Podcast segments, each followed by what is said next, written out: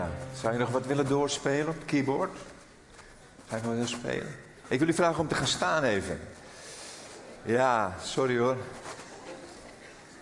Ik zal u zo meteen goedemorgen wensen, maar ik ben een beetje opgewonden. Uh, toen Emiel de mededelingen deed, had ik, had ik het gevoel dat, dat God me een, uh, een woord gaf voor deze, voor deze gemeente. Vanuit Jezaja. En uh, die wil ik graag over jullie, over jullie uitspreken. En die wil je eigenlijk vragen, weet je ook als je gast bent, maar om je even met elkaar te verbinden, door elkaars hand te pakken of arm om elkaar schouders, om even zo met elkaar te staan als kerk.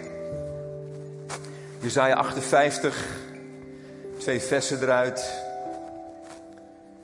En het zegt, en de Heere, zegt God tegen jullie vandaag, tegen het leiderschap. En de Heere zal jullie voortdurend leiden. Hij zal uw ziel in dorre streken verzadigen en uw beenderen kracht geven. U zult zijn als een bevloeide tuin, als een waterbron waarvan het water nooit ontbreekt. En wie uit u voortkomen, zullen de verwoeste plaatsen van weleer herbouwen. De fundamenten van generatie op generatie die verwoest zijn, zult u herstellen. En u zult genoemd worden. Hij die bressen dichtmaakt, hij die paden herstelt, opdat men er weer kan wonen. Vader, dank u wel. Dat we hier bij elkaar mogen zijn hier mogen staan met elkaar. Met deze prachtige gemeente, Heer, waarin we vandaag dat vijfjarig jubileum mogen vieren. Eerder nog jonge gemeente, maar die al zo gegroeid is. En ik dank u wel voor de belofte die u hier geeft, Heer. Heer, dat u belooft, Heer, dat, dat de bron die hier is, Heer, nooit zal opraken. Dat er altijd water zal zijn, Heer.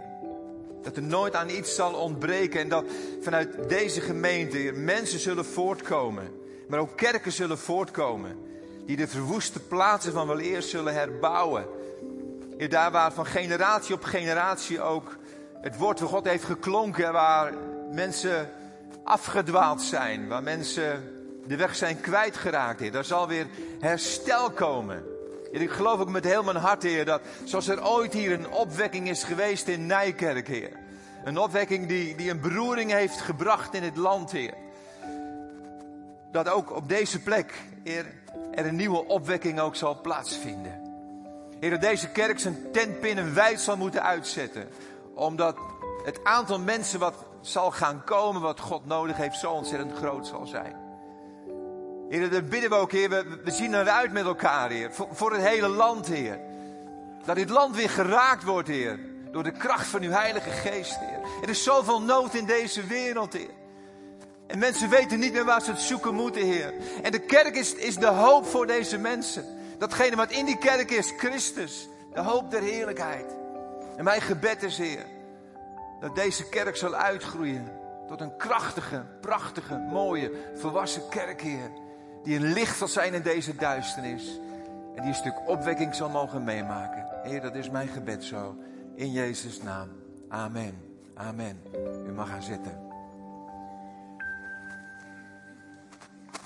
Goedemorgen allemaal. Mooi om hier te zijn op dit vijfjarig uh, jubileum. En ik krijg altijd een beetje een heimweegevoel. Nou ja, altijd. Dit is de tweede keer dat ik hier spreek. Maar als ik hier spreek, heb ik altijd een beetje heimweegevoel. Uh, omdat de eerste kerk die ik gesticht heb, zeg maar, zich ook afspeelde in de eerste jaren in een, uh, in een sporthal. En uh, wij moesten ook altijd heel vroeg al alles klaarzetten. Wij moesten zelfs platen op de vloer neerzetten, want die mocht niet beschadigd worden. Enorme klus. En ik was altijd weer verbaasd over hoe trouw mensen waren. Om dan s vroeg al die hele kerk op te bouwen. En in die eerste kerk heb ik zulke mooie herinneringen. Hè, die ontstond vanuit de huiskamer. En daar hebben we zoveel prachtige dingen zien, uh, zien gebeuren. En daar moet ik zo weer een beetje aan denken als ik, uh, als ik hier dan aan uh, ben. Prachtig om hier te zijn. Even heel kort een reclameblokje als u het niet erg vindt. Heel kort hoor. Het is een nieuw boek wat in november is verschenen. is mijn twaalfde inmiddels. En het is de eerste die ik samen met een ander heb geschreven. En het heet Binnenspiegel. Maar dan wil ik die even bij u binnenbrengen. Omdat ik geloof dat het een heel mooi, belangrijk boek is. meestal rond december, januari ben ik altijd bezig met reflectie, met spiegelen, met te kijken waar sta ik nou eigenlijk, hoe gaat het nou eigenlijk met mij. En, uh, en, vraag ik me af van wat moet er anders in het komend jaar? En wellicht dat hier mensen zijn die diezelfde vragen in hun leven hebben. Het is goed om regelmatig in je binnenspiegel te kijken. Je kijkt elke ochtend, als het goed is, even in een gewone spiegel. Om te kijken of je haar goed zit, of er geen tandpasta op je wang zit en geen broodkruimeltjes. Of alles goed zit. Nou, het is ook goed om regelmatig in je binnenspiegel te kijken. In het boek neem ik je mee naar een aantal essentiële vragen die je jezelf regelmatig moet stellen. Hoe staat het ervoor met mijn geestelijke gezondheid? Hoe staat het ervoor met mijn emotionele gezondheid? Is de roeping voor mijn leven wel helder of nog helder? Leef ik wel een betekenisvol leven? Hoe gaat het nou eigenlijk echt met me? Nou, die, die vragen worden gesteld in het boek en je wordt aan de hand meegenomen met allerlei vragen en opdrachten om eens goed naar binnen te kijken. Dus van harte aanbevolen bij jullie. Goed. We hebben het met elkaar over vijf jaar jubileum. En daar wil ik natuurlijk op inhaken met een prediking die erover gaat. De kerk, Gods meesterwerk. En ik hou ontzettend veel van die kerk. Alhoewel die kerk me ook teleurgesteld heeft. Alhoewel die kerk me ook pijn gedaan heeft. En het komt omdat elke kerk bestaat uit mensen. En mensen zijn per definitie onvolmaakt. En onvolmaakte mensen, ja, die doen domme dingen en die doen ons pijn. Toch? Dat is de realiteit. Ook voor kerken. Maar ik blijf geloven in die kerk. Ik blijf verwachten ook dat ook de kerk van Nederland weer tot bloei gaat komen. Jullie, jullie hebben het geluk dat jullie in een situatie zijn waarin een kerk groeit. Maar de meeste kerken in Nederland nemen alleen maar af. Dat is een stuk harde realiteit. Maar ik geloof opnieuw dat de kerk in Nederland tot bloei zal kunnen komen. Jezus zelf heeft beloofd dat de poorten van de hel haar niet zullen overweldigen. De kerk is onverwoestbaar. Weet je het eens? De kerk is onverwoestbaar. En de kerk is, is de hoop voor deze wereld. En ik zou iets willen voorlezen uit een boek wat ik ooit over de kerk heb geschreven, wat dezelfde titel heeft als mijn preek, De Kerk Gods Meesterwerk, om je gewoon daar weer warm voor te maken. Het unieke van de kerk is dat mensen samenkomen in Gods tegenwoordigheid en een gemeenschap vormen. En als er iets wat er nodig is in deze tijd, zijn het weer gemeenschappen. Mensen hebben behoefte aan een stuk verbondenheid.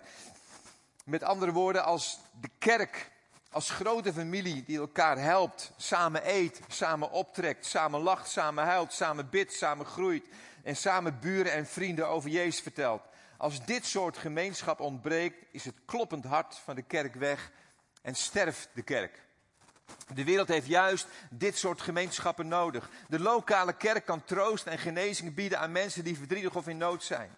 De kerk heeft als taak bruggen te slaan naar mensen die op zoek zijn. We mogen als christen onze armen openen voor mensen die vergeten, vertrapt en gedesillusioneerd zijn. Het is onze missie om ervoor te zorgen dat de kracht van Christus in ons midden openbaar wordt. Om de onderdrukte te bevrijden en de boeien van verslaving te verbreken. Ik geloof dat hoe groot het lijden van de mensen ook kan zijn, het vermogen van de kerk om genezing en herstel te brengen groter is. Niet op eigen kracht, maar in de naam van Jezus Christus.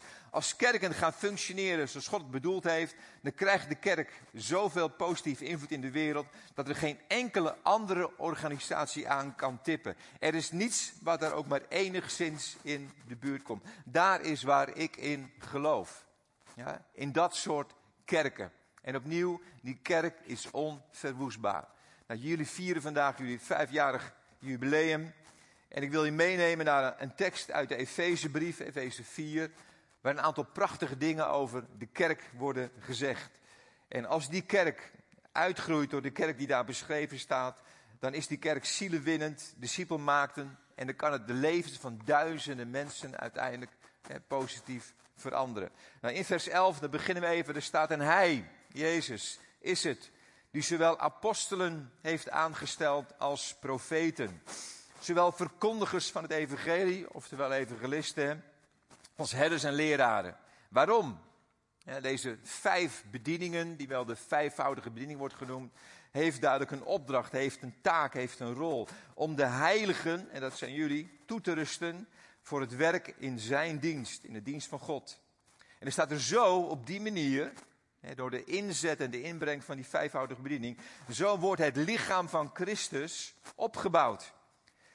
Totdat, dus daar is een groei ontwikkeling, totdat we allen samen door ons geloof En door onze kennis van de Zoon van God een eenheid vormen. De eenheid van de volmaakte mens, van de tot volle wasdom gekomen volheid van Christus. Wat ingewikkelde zin, die in de BGT-vertaling uh, heel simpel, maar heel mooi wordt uitgedrukt. Totdat we samen als christenen volwassen zijn. Totdat de kerk volmaakt is, net als Christus zelf. Hier staat dat de kerk in ontwikkeling is. Een kerk is voortdurend in ontwikkeling. Zoals je als mens ook voortdurend in ontwikkeling bent. En dat stopt nooit. Ik ben 69 jaar, ik word in maart word ik 70, hoop ik tenminste. Als het goed is gaat het gebeuren. Ja, maar ik groei nog steeds. Amen.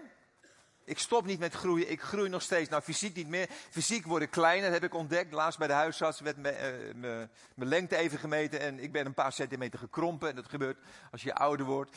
Eh, maar ik hoop emotioneel en geestelijk nog steeds te groeien. Ik hoop steeds volwassener te worden. En hetzelfde geldt voor de kerk. Dat, dat, dat blijft een uitdaging om met elkaar in die ontwikkeling, in die groei te, uh, te blijven. En dat wordt hier beschreven. En er staat ook bij dat daar een aantal dingen voor nodig zijn. Daar is de vijfvoudige bediening voor nodig. Daar ga ik er verder niet op in, maar apostelen, profeten, evangelisten, herders en leraars ja, zijn er om die gemeente uiteindelijk tot een stuk volwassenheid en volmaaktheid te brengen. Maar in de meeste kerken functioneren die vijfvoudige bediening niet op die manier. Uh, we zijn het een beetje kwijtgeraakt. Ja, in de meeste kerken functioneren herders en leraars. En soms zijn we ook blij als er een evangelist is. Maar met name apostelen en profeten, daar hebben we allemaal wat, wat moeite mee. En ik geloof dat de kerk weer terug moet naar dat fundament en moet gaan zoeken van hebben wij die bediening in huis? En als we hem niet in huis hebben, waar, waar, kunnen we ze tegenkomen? Zodat die kerk, want er staat dat dat een voorwaarde is, werkelijk tot volwassenheid kan komen. Nou, daar wil ik verder niet op ingaan. In mijn boek ga ik daar diep op in, op die vijfhoudige bediening ook. Maar wat ik in wil gaan is op, op hoe een volwassen kerk eruit ziet. En dat hangt af van jullie, want jullie zijn de kerk. dus ik hoop niet dat je een toeschouwer bent en kijkt van, oh, dat is de kerk. Nee, ik ben deel van die kerk. Dus de groei van de kerk heeft ook alles te maken met mijn eigen groei en ontwikkeling. Een volwassen kerk, die, die, die geeft gehoor aan twee dingen die Jezus hen heeft opgedragen. De twee belangrijkste dingen. Jezus heeft een, een groot gebod gegeven. Het grote gebod wordt het letterlijk genoemd door Jezus zelf. En een grote opdracht. En een volwassen kerk zal functioneren in dat grote gebod en in die grote opdracht. Nou, wat zijn die grote, wat is dat grote gebod en die grote opdracht? De eerste kun je vinden in Matthäus 22, vers 37. Als het goed is, verschijnt die achter mij. Daar wordt het grote gebod beschreven. Hij zegt, heb de Heer, uw God lief, met heel uw hart, met heel uw ziel, met heel uw verstand. Dat is het grootste, zie je dat? Het grootste en eerste gebod. Het tweede eraan gelijk is, heb uw naaste lief in plaats van uzelf. Het is even stil, jullie reageren niet, maar dat staat er niet. Hè? Maar heel veel mensen hebben het wel zo geïnterpreteerd. Ja? Alsof je jezelf altijd moet wegcijferen. Nee, er staat dat je van die ander moet houden zoals je van jezelf houdt. Je kunt niet oprecht van een ander houden als je niet geleerd hebt om ook van jezelf te houden. Er zijn wel eens mensen die denken, ja Jan, maar als ik van mezelf hou, dan word ik een egoïst. Dan zeg ik altijd tegen, nee, je wordt juist een egoïst als je niet van jezelf houdt. Want als je niet van jezelf houdt, betekent dat dat je anderen nodig hebt om jouw waarde te geven, om jou te bevestigen. Dan word je iemand die gericht is op zichzelf. Maar als je van jezelf houdt, ja, dan kun je, heb je een ander daarvoor niet nodig en dan kun je oprecht van een ander uiteindelijk houden. Maar goed, dat is niet mijn onderwerp, maar wel heel mooi vind ik zelf. Wat is het grote gebod? Dat staat in Matthäus 28, vers 18 tot en met 20. Jezus kwam dichterbij. Dat wil hij ook vandaag weer. Hij wil vandaag ook weer dichter bij ons komen. En hij zei tegen hen, mij is gegeven alle macht in hemel en op aarde. Ga dus op weg en maak alle volken tot mijn leerlingen. De nieuwe vertalingen eh, zeggen allemaal leerlingen, de oude vertalingen zeggen discipelen. Dat vind ik een veel mooier woord. Dat is ook een woord dat ik altijd gebruik. Hij wil ons maken tot discipelen. Hoe? Door hen te dopen in de naam van de Vader, Zoon en Heilige Geest. Dat is de eerste stap, maar dan gaat het verder. En hun te leren dat ze zich moeten houden aan alles wat ik jullie opgedragen heb. Nou, laten we eens kijken naar dat eerste gebod. Ja, heb God lief bovenal. En ik wilde met name kijken naar het tweede deel daarvan. En je naaste als jezelf. Liefhebben, geloof ik, is datgene waarin de kerk gigantisch zou mogen uitblinken. Christenen zouden bekend moeten zijn als de meest liefdevolle personen die er zijn. Want we zijn geroepen om het voorbeeld van Jezus te volgen. En als er iemand was die lief had, dan was het Jezus. Jezus heeft eigenlijk een revolutie van liefde ontketend. Ja, als geen ander heeft hij het hart van God aan mensen laten zien. Daarom wilden mensen zo graag bij hem zijn, omdat hij onvoorwaardelijk lief had. Ja, en dat, dat was op een manier die zo radicaal was, die zo onbegrijpelijk was. Jezus is uiteindelijk verraden door zijn vrienden. Hij is in de steek gelaten. En dit is wat. Dan heeft hij die, die bespottingen meegemaakt bij Pilatus en Herodes. Ja. Dan hebben ze hem fysiek hebben ze hem mishandeld. En uit profeten Micha en Jezaja kun je een aantal dingen halen die niet beschreven zijn in de evangelie, maar die wel gebeurd zijn. Ja. Ze hebben hem geslagen. Ze hebben op een bepaald moment een doek over zijn hoofd getrokken, zodat hij niet meer iets kon zien. En de klappen gewoon niet zag aankomen. Links en rechts, zegt Micha, werd hij met een hout geslagen, met een stuk hout geslagen. Je ziet de klappen niet meer aankomen, je wordt mishandeld.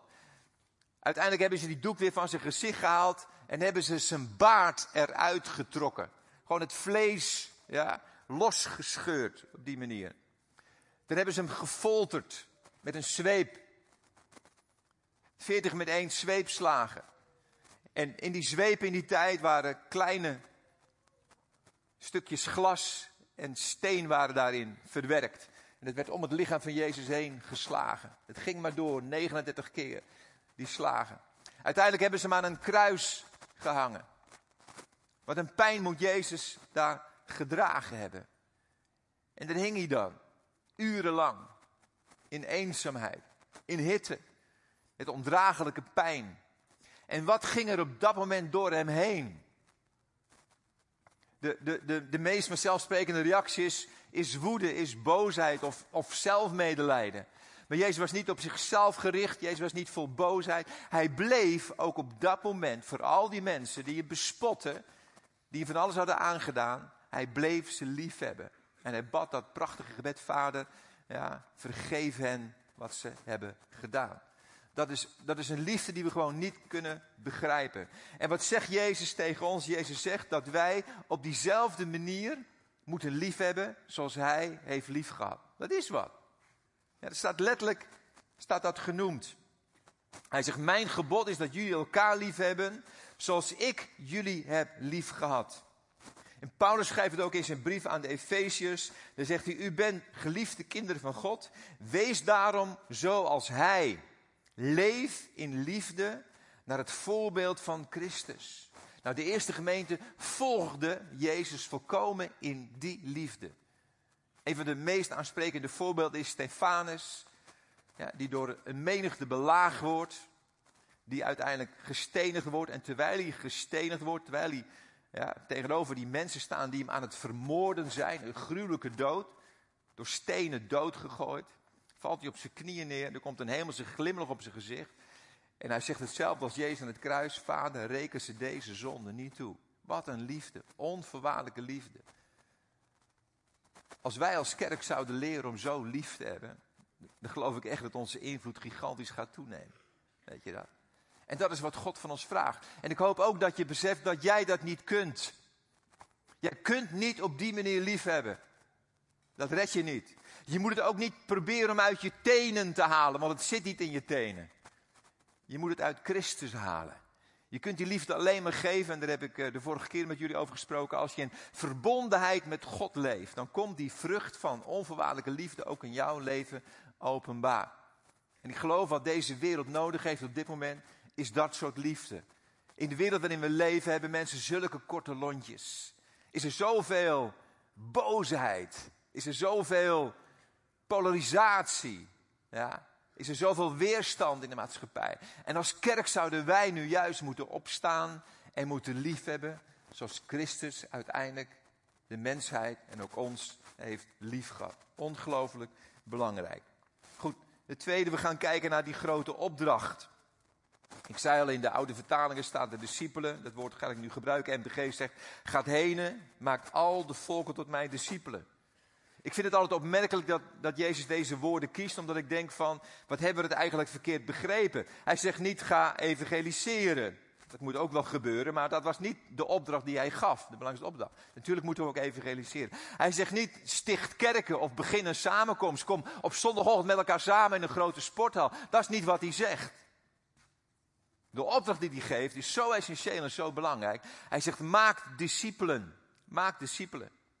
Wat hij daar zegt is, zoals ik jullie, twaalf, nou op dat moment waren er nog maar elf natuurlijk, eentje is er afgevallen. Maar de manier waarop ik jullie elf als een discipel heb gemaakt, in het proces jarenlang, jullie geslepen heb, gevormd heb, en jullie geworden zijn tot de mannen die je nu bent, die die eerste kerk op een geweldige manier zullen gaan leiden.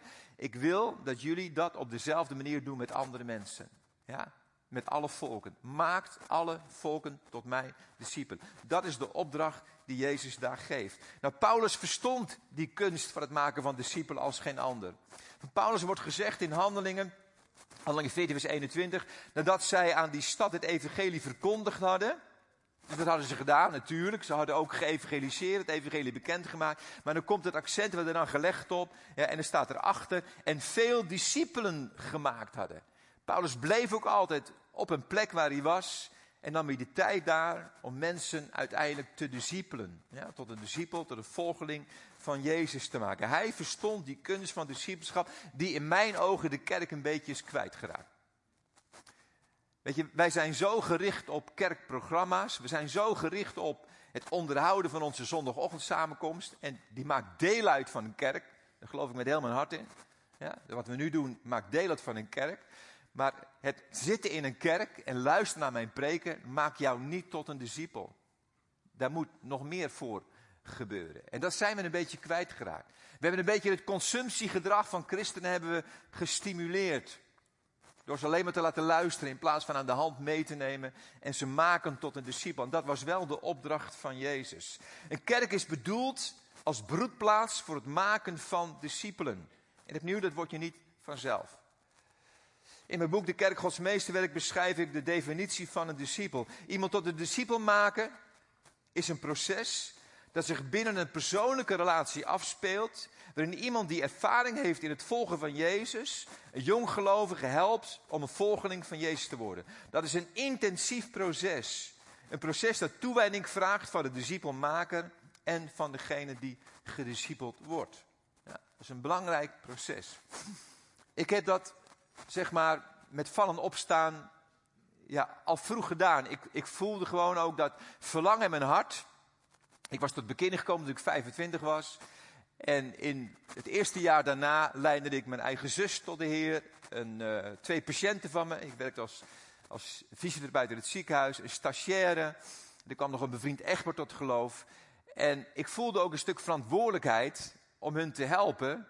Zeg maar in een, een volgeling worden van Jezus. Al die mensen die tot de Heer leiden hadden geen christelijke achtergrond, net als ik. Wisten niks van God. Ik was misschien maar een paar stappen vooruit. Maar ik merkte, ik had een verlangen al om hun te helpen om een volgeling van Jezus te worden. En daar ben ik niet mee gestopt. Op een bepaald heb ik dat wat geformaliseerd. En Marijke en ik uh, hebben 30 jaar lang hebben wij gediscipeld. Dat vonden wij het belangrijkste. Dus wij vonden niet het belangrijkste het leiden van de kerk of het organiseren van de zondagochtend Maar onze focus lag op het discipelen van mensen.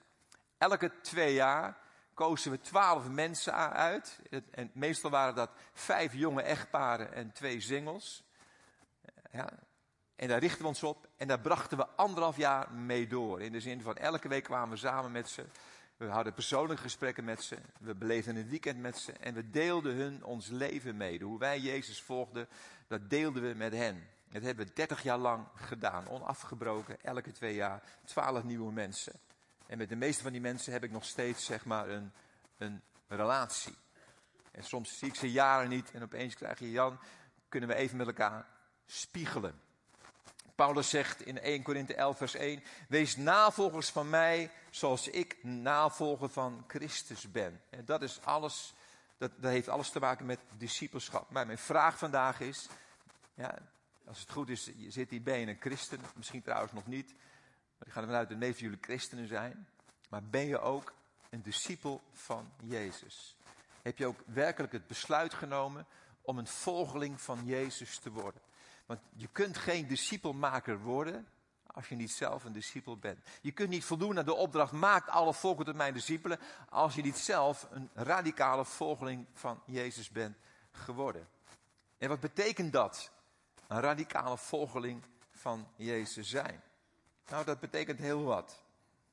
De kern van het discipelschap is dat je Jezus tot Heer van je leven heeft, heeft gemaakt. Dat Hij het middelpunt is van alles in je leven.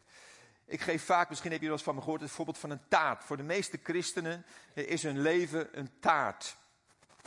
En als iemand tot geloof komt, hè, dan, dan, dan voegt hij Jezus toe aan zijn taart. Als een soort taartpuntje. dus ik heb ook zo mijn taart. En in mijn taart heb ik allemaal puntjes. Een hele stevige punt. Een flinke punt is Marijke. Dat is niet omdat ze zo dik is, maar omdat ze zo belangrijk in mijn leven is. Dus een behoorlijke dikke taartpunt is Marijke. En natuurlijk mijn kinderen. Eh, deel uit van mijn leven. Mijn vrienden. Uh, ik heb ook een taartpuntje seksualiteit. Dat is ook iets waar ik alle heerschappij over heb. Daar heeft niemand anders wat over te zeggen. Dat is mijn gebied. Financiën. En dan heb ik ook een taartpuntje Jezus. Dat is een beetje de, de, manier waarop heel veel christenen leven. Jezus wordt deel van hun leven. Jezus wordt deel van de taart waar zij uiteindelijk de regie over hebben. En het is hartstikke handig om Jezus erbij te hebben in je leven, toch? Als je een probleem hebt, ja, dan kan je hem aanroepen. Jezus! Ja, help! Ik heb een probleem. Dat is handig hoor, om Jezus in je leven te hebben. En ook als je een mooi plan hebt, een mooie droom hebt, Heel handig om Jezus bij te hebben. Heer, ik heb een geweldige droom, een geweldig plan. Wilt u dit nu zegenen? Zo leven de meeste christenen. Dat betekent dat jij centraal staat. Ja. En ik ga je iets zeggen. En misschien mag ik hier nooit meer komen. Misschien kijkt Emiel me zo meteen heel boos aan. Ik ga iets tegen je zeggen. Ja, ik ga deze kerk opschudden. Jezus mag geen enkele rol in jullie leven spelen. Nog een keertje. Jezus mag geen enkele rol in jullie leven spelen. Want als Jezus een rol speelt in jouw leven, betekent het dus dat jij de regie hebt. En dat is niet de bedoeling. Hij moet zelfs niet de hoofdrol spelen. Hij moet de regie hebben over jouw leven. Ja, hij, hij is die hele taart. Ja, tot geloof komen betekent niet dat ik Jezus invoeg in mijn leven. Nee, ik voeg mijn leven toe aan Hem, aan Zijn leven. En ik geef de regie over aan Hem. Toen ik een uh, jonge knul was, een jaar of 16, 17, was er een, uh, een hit in die tijd, een lied van Frank Sinatra. Wie is er zo oud als ik en kent Frank Sinatra nog? Nou, best wel veel mensen. En die had een lied, misschien kent wel My Way. Wie kent dat lied? My Way. Hè? I did it my way. Hè? Dus nou, ik kan niet zo goed zingen hoor, maar... En, en dat, dat, gaat over een man die beschrijft zijn leven, die kijkt terug en dan komt hij de conclusie, ik heb het op mijn manier gedaan. I did it my way. Nou, weet je wat Jezus zegt? Dan komt hij in Marcus 8, vers 34. Ik lees hem even in het Engels, omdat ik ook dat lied in het Engels gebruik. If any of you want to be my follower, you must give up your own way. Ja, niks meer my way, maar his way. Ja, dat is als je tot geloof komt. Dan neem je het besluit, Heer, niet meer mijn weg, maar uw weg. In de NBV staat daar, en die tekst die wordt, daar wordt eigenlijk nooit meer over gepredikt. Hè? Wie mijn volgeling, wie mijn discipel wil zijn, moet zichzelf verlogenen zijn kruis op zich nemen en zo achter mij komen. De message, een andere Engelse vertaling, is weergeloos. Die zegt, anyone who intends to come with me has to let me lead. You're not in the driver's seat, I am. Jij zit niet op de stoel van het bestuur, als het goed is. Zit hij daar. Dus een discipel van Jezus heeft besloten, Heer, ik wil maar één ding.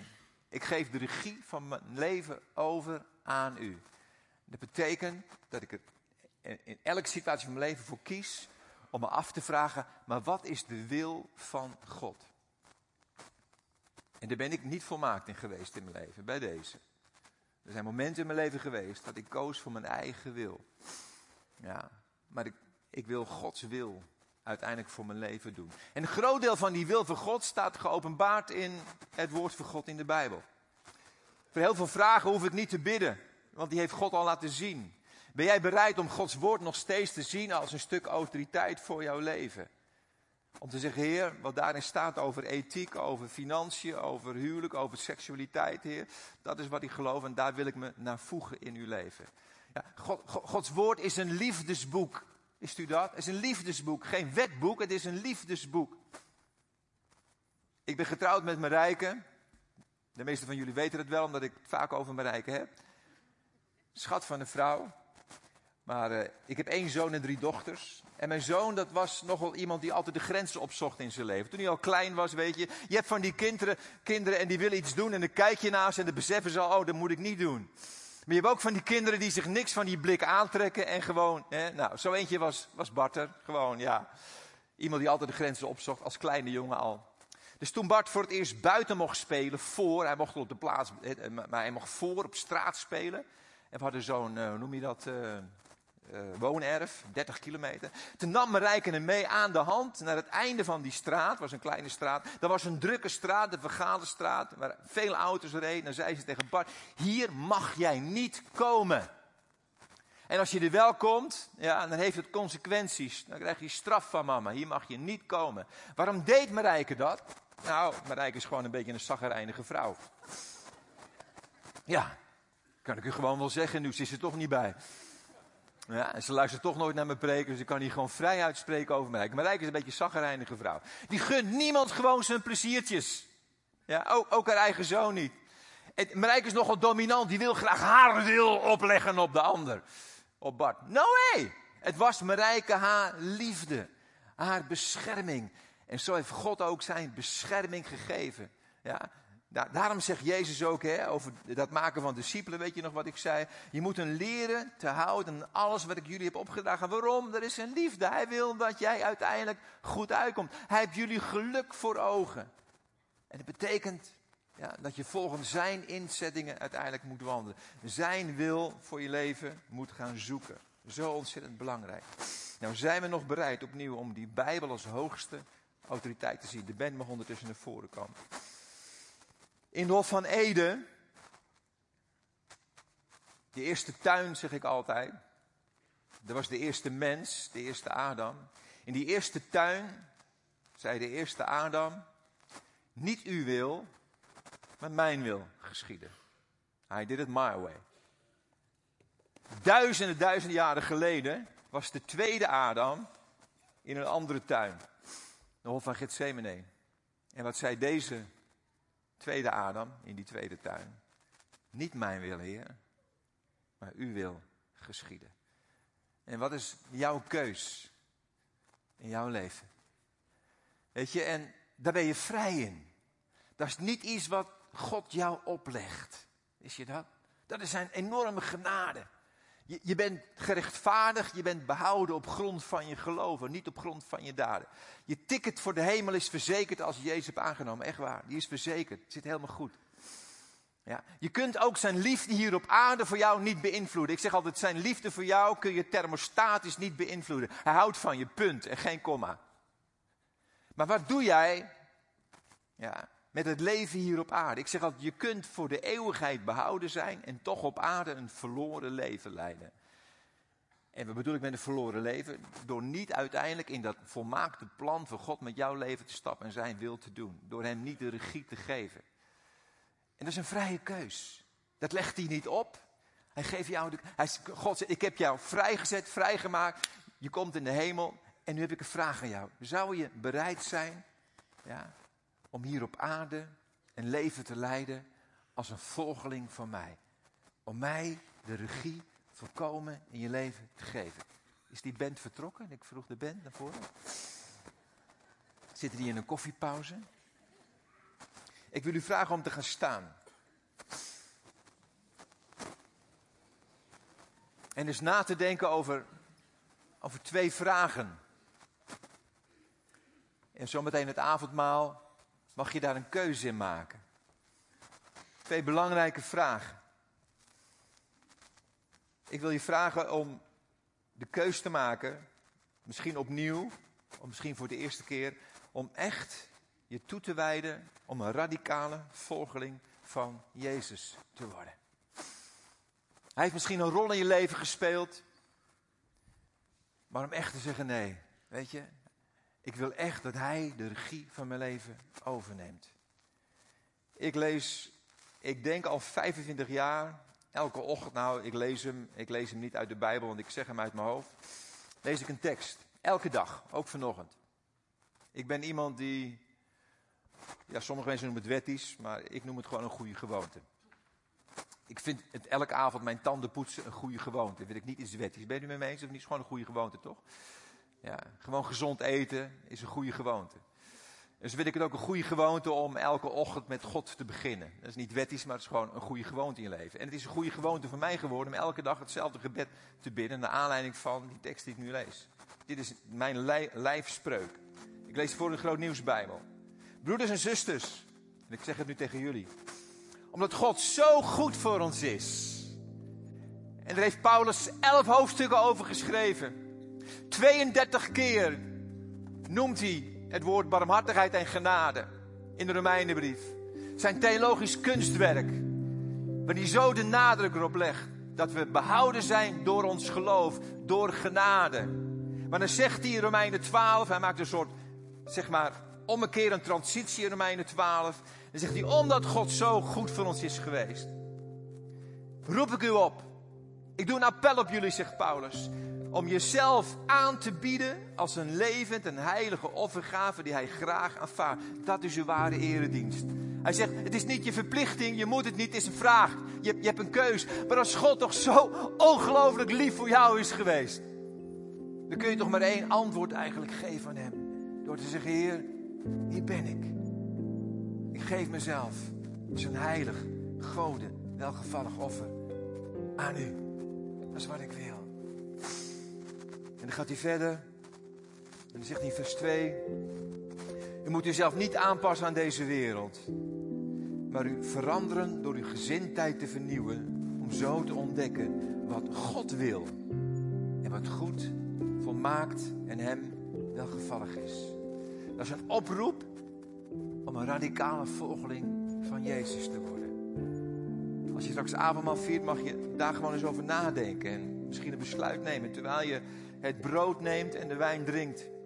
Weet je, in onze kerk zijn we gewend om samen avondmaal te vieren, als een groepje of met tweetallen. Maar ik wil je vandaag vragen om het alleen te doen. Om na te denken over deze vraag die ik je stel. En om een besluit te nemen, om te zeggen, Heer, ik neem vandaag het avondmaal. U bent zo ontzettend lief voor mij geweest, Heer. U hebt zoveel voor mij gedaan. Ik heb maar één antwoord, Heer. En dat is, ik wil radicaal voor u leven. Ik, ik geef u de volkomen regie over van mijn leven, Heer. In Jezus' naam. En de tweede vraag die ik je wil stellen, is of jij ook je wilt toewijden om je plek in de kerk in te nemen. Ja, want het breken van het brood, hè, het brood vertegenwoordigt ook het lichaam van Christus hier op aarde. En de kerk heeft jou nodig en jij hebt de kerk nodig. Dat betekent dat je je plek moet innemen. Ik heb Efeze 4 gelezen, hè, maar ik heb het niet helemaal afgemaakt. Dat heb ik tot het laatst bewaard. Hij eindigt dan in dat stukje hij zegt vanuit het hoofd krijgt het hele lichaam samenhang. En wordt ondersteund en bijeengehouden door alle gewrichtsbanden. Ieder deel, ieder deel draagt op eigen wijze bij tot de groei van dat lichaam. Dat zo zichzelf opbouwt door de liefde. Heb jij je plek ingenomen echt een besluit genomen. Zeg, Heer, ik wil werkelijk deel zijn, mijn plek innemen, mijn verantwoordelijkheid innemen, me inzetten, een bijdrage leveren om die kerk te laten bloeien. Onze ogen sluiten.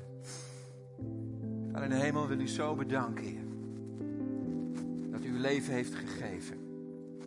En we willen daar aan terugdenken op dit moment, Heer, in het avondmaal vieren.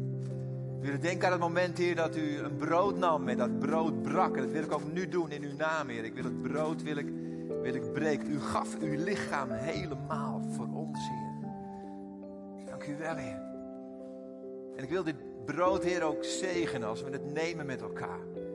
Ik wil ook dat we twee dingen beseffen, Heer. Dat we beseffen, u gaf uw lichaam, Heer, aan ons. Maar tegelijkertijd dat we ook beseffen dat wij met het stukje brood wat we nemen een deel zijn van een groter geheel. Dat we deel zijn van een lichaam, het lichaam van Christus. En onze plek ook innemen. Heer, ik dank u wel, Heer, voor het bloed wat vloeide, Heer. De vergeving van onze zonden. En dat we vandaag opnieuw die beker mogen nemen. In het besef, Heer, dat u onze zonden vergeeft. En ik zegen ook de beker, Heer, die zal rondgaan. Ik zegen ook de wijn, de druivensap in Jezus' naam. Dat het zijn werk in ons zal doen. In Jezus' naam.